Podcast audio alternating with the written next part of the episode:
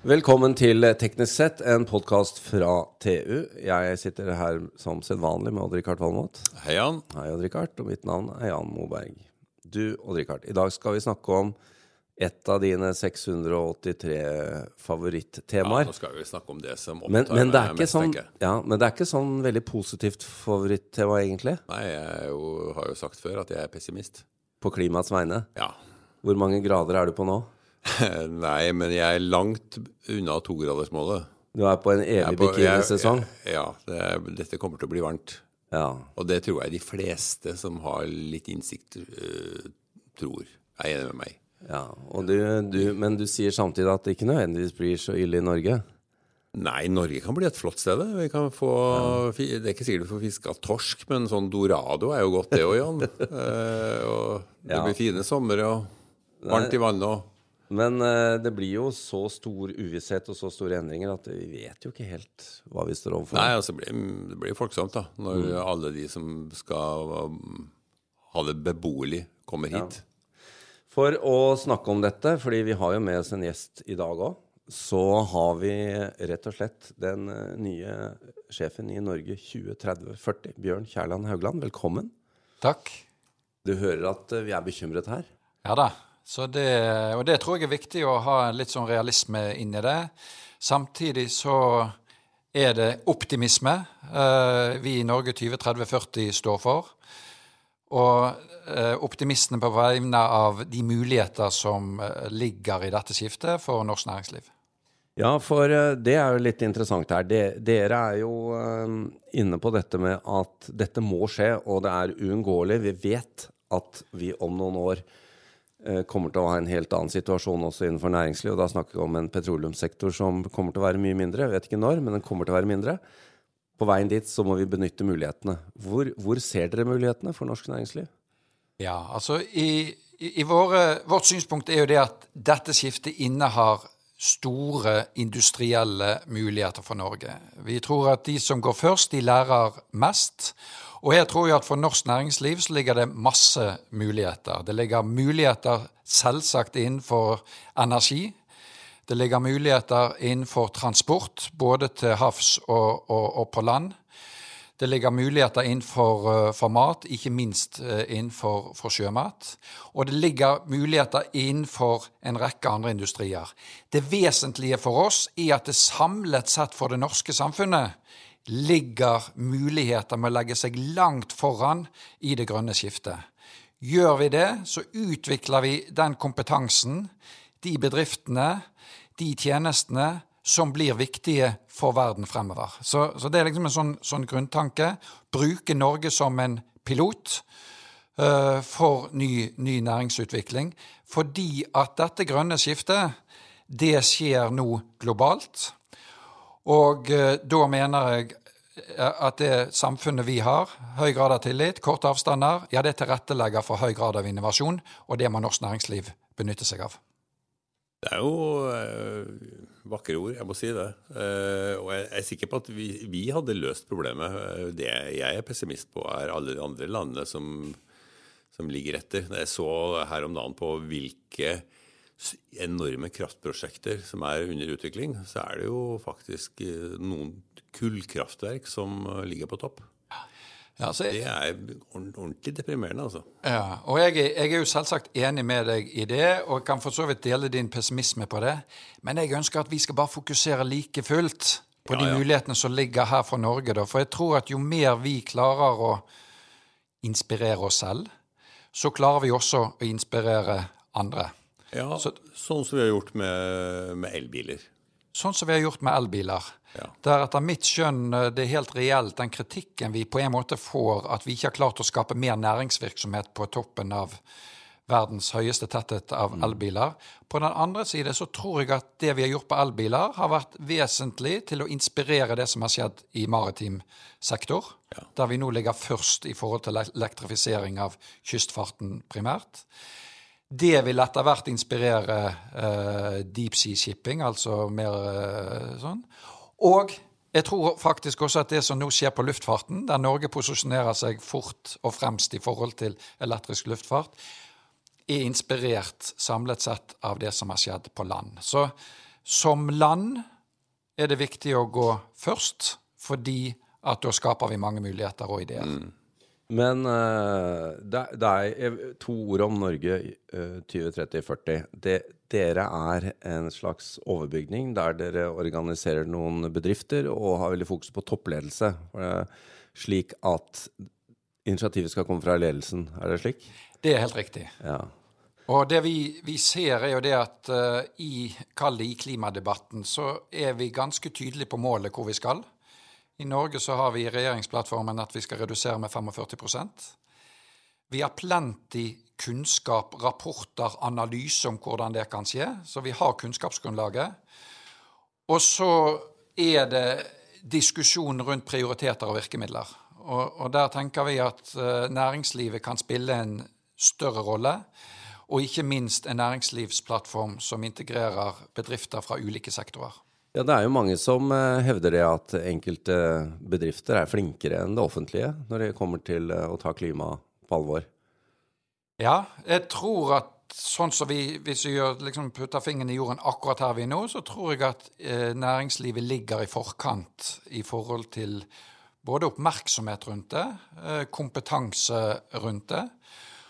Og så er jeg glad for at næringslivet gjør jo dette fordi at vi ser muligheter til å lage mer robuste selskaper. Uh, og det er det fokuset vi har i dette. Det er en mulighet for norsk næringsliv å bli mer robust ved å fokusere mer på klimavennlige tjenester. Hvis vi, eh, hvis vi ser på kirsebærtrea, hvilke bær er det som henger lavest i dine øyne? Hvor er det vi får mest igjen for mest klimaeffekt og næringsutvikling igjen for eh, innsatsen? Ja, jeg tror i hvert fall at vi skal elektrifisere landet så mye som lar seg gjøre. Mm. Det nærliggende er jo å gå fort videre på transportsektoren. Ja. Og det som ligger helt i front av oss nå, det er jo altså å gå på kollektivtransport øh, og, og tyngre transport. Og både kjøpe inn og etterspørre den type teknologi. Vi har ikke all teknologien på plass ennå, men hvis vi kan på en måte etterspørre det, skape markeder for det, ja, så er vi med for å utløse det for Norge og etter hvert for verden. Så hele transportsektoren tror jeg er, vesentlig. Det er åpenbart at for Norge så er den maritime sektoren sentral. Ja. der har vi hele kjeden. Der tar vi både ned klimautslipp, uh, vi, vi skaper grønne arbeidsplasser i Norge, uh, og vi gjør norsk leverandørindustri konkurransedyktig ute. Så både den og sjømatsektoren tror jeg er viktig at vi, vi fokuserer på. Mm. Vi ser jo også hvor viktig det er med offentlige innkjøp. Altså at offentlige innkjøp setter krav, stiller krav til hvilke løsninger de vil ha. Offentlige innkjøp er helt vesentlig. Altså 500 milliarder i året uh, er en enorm muskel til å utløse innovasjon i næringslivet. Vi ser hva effekt det har hatt på på fergene våre, som nå er i ferd med å bli elektriske. Ja. Så det er helt, helt, vesentlig. Så tenker jeg også at uh, næringslivet kan også tenke gjennom sine egne innkjøp, og ikke minst med å samarbeide. Så i Norge 2030-40 så har vi kjørt et prosjekt som heter Greenfleet. Der vi har pulet sammen uh, bedrifter som alle har behov for uh, nye kjøretøy de neste årene. Og da kan vi liksom utnytte uh, innkjøpskraften bedre når vi går flere sammen. Ikke minst til å stille krav til de kjøretøyene vi trenger fremover. Mm. Bør staten ha en rolle eller å få litt fart på infrastrukturen? Ladeinfrastruktur, hydrogeninfrastruktur, sånne ting? Ja, altså det er åpenbart at, eh, at, at staten må ha en rolle i det.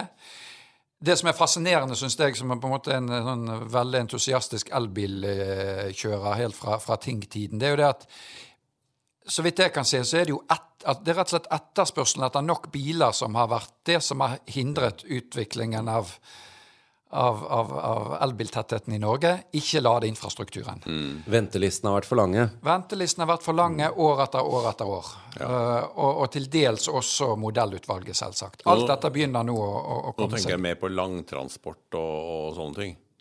Og Rikard er jo hydrogenfan, vet du, så ja. vi må nesten uh... ja, Jeg får gi han litt på Jeg skal gi han litt på hydrogen. Altså, personlig så har jeg ikke trodd at hydrogen var det mest effektive for persontransport. Det er det ikke. Eh, men, men, men, det er klart for skipsfart og for tungtransport så er bildet annerledes.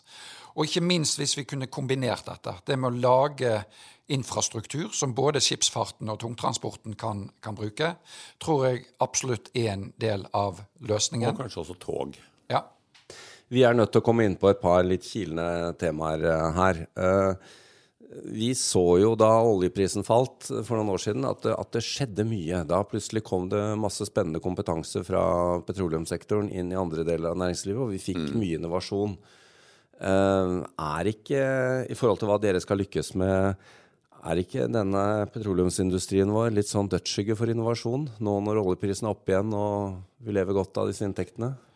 Jo, altså det er jo på en måte klart at for et lite land som Norge med begrenset kapasitet og kompetanse, så, så, er en vesentlig del av den knyttet opp mot olje- og gassektoren. Sånn har det vært, og sånn er det til dels enda. Kraften av den kompetansen så vi jo, som du sier, når oljeprisen fant, når det kom ut i annet næringsliv. For ja. dette er jo gull i forhold til de, Det skjedde jo plutselig masse. Masse, ja. ja. Så det å på en måte håndtere det på en god måte fremover tror jeg blir helt, eh, helt vesentlig. Um, vi, vi, altså det er jo barneskolepensum i dag at vi har funnet nok olje og gass uh, i forhold til å holde oss under 1,5 og 2-gradersmålet. Uh, og Parisavtaler og bærekraftsmål peker veldig entydig i samme vei. Så vitenskapen er klar. Så, så det at vi på en, på en, kontrollert måte må klare å få ut mer av den kompetansen i olje- og gassektoren i arbeid i andre sektorer, mm. tror jeg blir veldig viktig eh, for Norge i de neste tiårene. Det er jo også det det viste for noen år siden, er jo at hvis eh, eh, petroleumssektoren vår, eller når den blir tonet ned, så vil vi ha masse å gå på. Det er jo ikke sånn at vi kommer til å bli et tilbakestående land. Eh, Nei, altså, det er masse kapasitet som blir frigjort til å gjøre andre spennende ting. Det er masse kapasitet, eh, det er masse kompetanse. Og på en måte kan vi jo bare se til Sverige. Det er jo liksom ikke så veldig tilbakestående land når vi kjører over grensen der. Så det er jo på en måte et land som er ganske likt oss, og som klarer seg eh, veldig bra. Og noen ganger pleier jeg å trekke eh, paralleller til eh, Eh, all snakk om digitalisering og big data og deep learning og alt dette her, som er veldig viktig. Eh, og vi ser til Silicon Valley, men kanskje vi i større grad skal se inn i seismikkmiljøene våre, som nettopp sitter med denne kompetansen og har sett i store datamengder i 40 år. Ja, jeg var på en reportasje i Gøteborg for en uke siden, og da straks jeg passerte grensa, så står det jo altså vindturbiner hele veien nedover. Og de er villige til å ofre litt av naturen sin for å skape energi, fornybar energi. Vi har jo muligheten i Norge både på land og til sjøs selvfølgelig å gjenta oljeeventyret, tror jeg. Nå er du inne på et, enda et kilent tema, Richard. Ja, vi er det. Eh, på å skape rett og slett fornybar eh, energi eh, som varer evig. Oljen blir jo borte, men vinden, det vil blåse.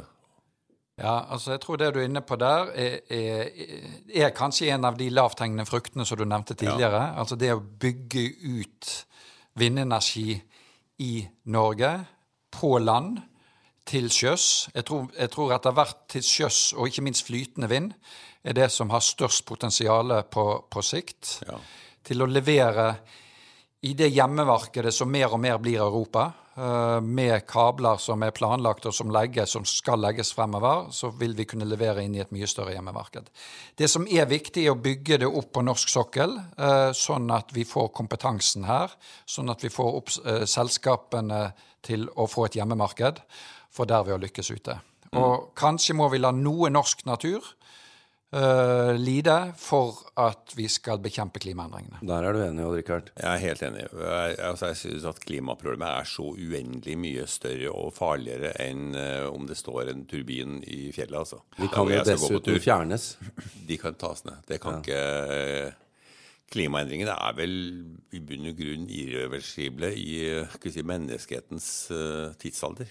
Klimaendringene er irreversible. Jeg sitter også i styret i Universitetet i Bergen. Jeg jobber mye med Bjerknessenter og forskerne der. Og, og, selv forskningen som er helt fremst i verden, er usikker på de konsekvensene klimaendringene reelt sett har når vi går over to graders oppvarming.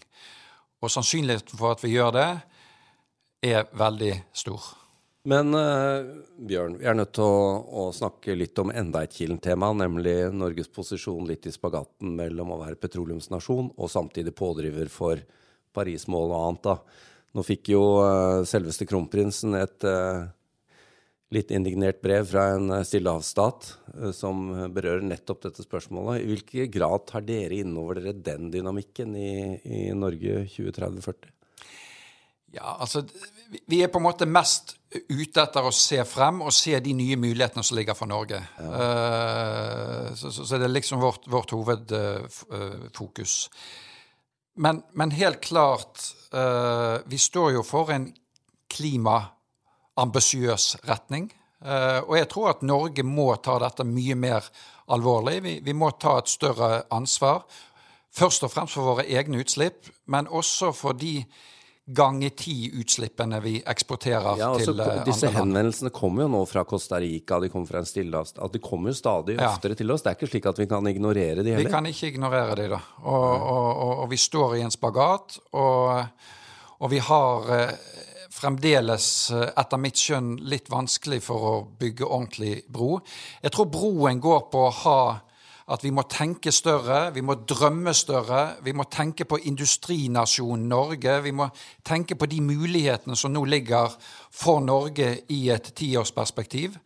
Enten det er offshore vind, eller det er førerløse båter inn i, en, i et byutviklingsperspektiv eller det at det er vi som skal lage neste generasjons autonome biler. Eh, teknologiutviklingen er sånn at den tar ut fordelen av billig arbeidskraft. Derfor så kan land som Norge ha et mye sterkere industrielt perspektiv mm. på hvilke industrier og posisjoner vi skal ha 10 og 20 år fra nå. Og det er en diskusjon som vi i Norge 2030-40 ønsker å ta, og ønsker å være en akselerator og pådriver for.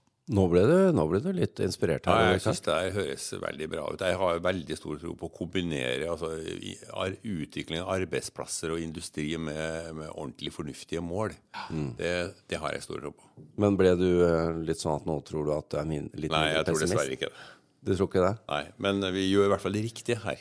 Ja. Og det, det er noe, det òg. Bjørn Kjærland Haugland, vi må bare ønske deg lykke til med jobben videre. Og vi må jo få deg tilbake her om noen måneder når du har fått inn noen selskaper du kan fortelle litt om, og noen løsninger. Det gjør jeg med glede, og tusen takk for å bli invitert. Takk for at du kom.